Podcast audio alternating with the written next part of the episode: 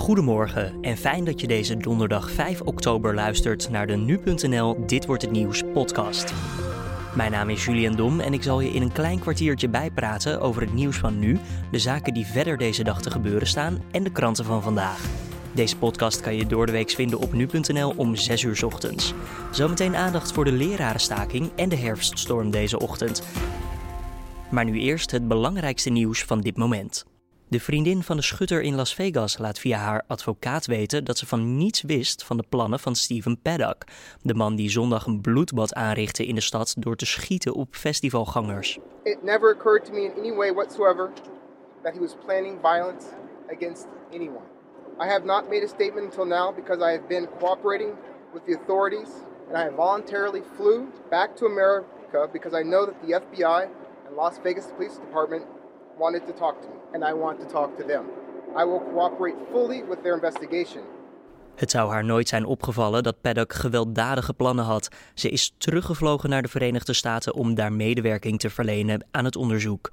Bij de schietpartij in Las Vegas kwamen 58 personen om het leven en raakten meer dan 500 mensen gewond. De Catalaanse regering wil graag een dialoog aan met de Spaanse regering. Sinds het onafhankelijkheidsreferendum is de verhouding tussen beiden flink verslechterd.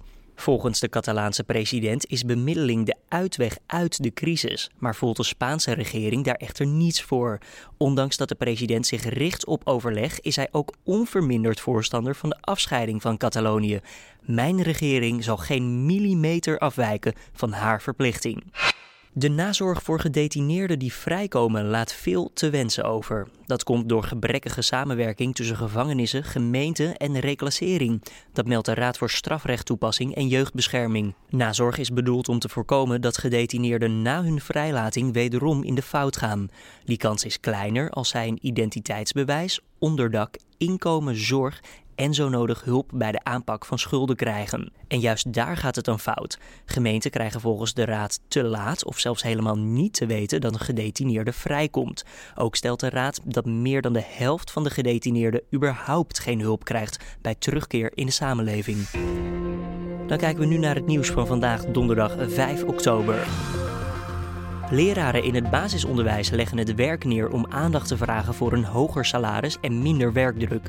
Woensdagavond kwam het nieuws naar buiten dat de aankomende regeringscoalitie van VVD, CDA, ChristenUnie en D66 bijna 500 miljoen euro willen vrijmaken voor het verlagen van de werkdruk in het basisonderwijs. Daarmee voldoen de partijen aan de wens voor de verlaagde werkdruk, maar qua salarissen is er nog een behoorlijk verschil. Je hoort Lucas Benschop, eindredacteur bij nu.nl. Nou, de leraren willen heel graag 900 miljoen euro bij. Dat uh, willen ze om uh, het salaris gelijk te kunnen trekken met de salarissen in het voortgezet onderwijs. Want zij vinden dat ze het recht hebben op hetzelfde. Een hele hoop geld in het kabinet, het huidige demissionaire kabinet, heeft onlangs op Prinsjesdag aangekondigd in ieder geval 270 miljoen te willen regelen.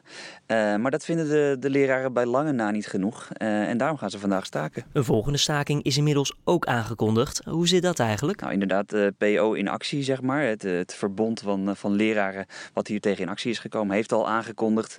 In november gaan wij eh, ook weer extra staken als zij niet over de brug komen. Tot verbazing overigens van de vakbonden, want die hebben gezegd van nou bijzonder. En ook wel van de, van de schoolbesturen. Van nou ja, laten we eerst eens even afwachten wat hier uitkomt. Voordat we nu al gaan aankondigen dat we het volgende maand nog veel erger voor u gaan maken. Op nu.nl houden we je uiteraard verder vandaag op de hoogte van de laatste ontwikkelingen omtrent de lerarenstaking. We hebben deze ochtend te maken met de tweede herfststorm van het jaar. Het KNMI heeft code geel afgegeven vanwege zware tot zeer zware windstoten. Voor de Waddeneilanden geldt zelfs code oranje. Daar kunnen windstoten voorkomen met een snelheid tot 120 km per uur. In de kustprovincies geldt code geel in de ochtend. Door het stormachtige weer moet rekening gehouden worden met een zware ochtendspits. Naast wind zal ook regen vermoedelijk voor problemen zorgen op de weg. In het noordoosten van Nederland kan zelfs 20 tot 45 mm regen vallen. Dat stelt weeronline.nl. Ook op het spoor kan donderdag vertraging optreden door regen en de vallende herfstbladeren. Mensen moeten daarom rekening houden met later rijdende truinen en zelfs uitval van treinen. Halverwege de middag moeten de ergste windstoten voorbij zijn, al dus het KNMI. Van deze donderdag tot en met zondag 8 oktober wordt het wereldkampioenschap Short Track gehouden in Dordrecht. Dit is een belangrijk toernooi in de kwalificatie voor de Olympische Winterspelen in het Zuid-Koreaanse Pyeongchang in 2018. Daarom komen de beste shorttrekkers ter wereld naar Nederland. De Nederlandse ploeg neemt het op tegen de wereldtop. Nederland strijdt onder andere tegen Canada, China, Zuid-Korea en Rusland. Robert Prins, sportredacteur bij nu.nl, vertelt welke Nederlanders we in de gaten moeten houden. Ja, dat zijn Sinky Knecht en uh, Susanne Schulting. Uh, Sinky Knecht heeft al ja, de laatste jaren laten zien dat hij echt op de wereldtop hoort in het shorttrack. Heeft in uh, Sochi goed gepresteerd te spelen. Heeft vorig jaar goed gepresteerd in Ahoy tijdens het WK. Heeft daar goud gepakt op de 500 meter en met de, met de relayploeg. Ja, en Schulting is gewoon een heel groot jong talent. Wat vorig jaar ook goed gepresteerd bij de WK in Ahoy. Ook daar een medaille heeft gepakt die nog wel veel moet leren. Dat heeft ze dit weekend ook weer laten zien. Maar uh, ja, die twee uh, die komen er wel. En hoe zijn eigenlijk de verwachtingen voor het Nederlandse team? Die verwachtingen die waren heel erg goed. Alleen dit weekend is er een klein beetje, ja, een klein beetje fout gegaan. Knecht deed het nog wel goed. Die uh, won brons op de 1500 meter. maar ja, Schulting heeft vier penalties gekregen dit weekend. Dus dat was, uh, zij noemde het zelf haar allerslechtste weekend ooit. Dus dat zegt niet heel veel. En dan is het belangrijk dat de Nederlanders het afgelopen weekend achter zich laten. Ze moeten daar niet mee blijven zitten. Ze moeten gewoon rustig blijven. Natuurlijk is het belangrijk om goed te presteren. Die eerste World Cup is nu gedaan. Dat ging niet helemaal goed. Maar als ze daar te lang over na gaan denken, dan gaat het op, opnieuw fout. En dat moet je zeker niet hebben.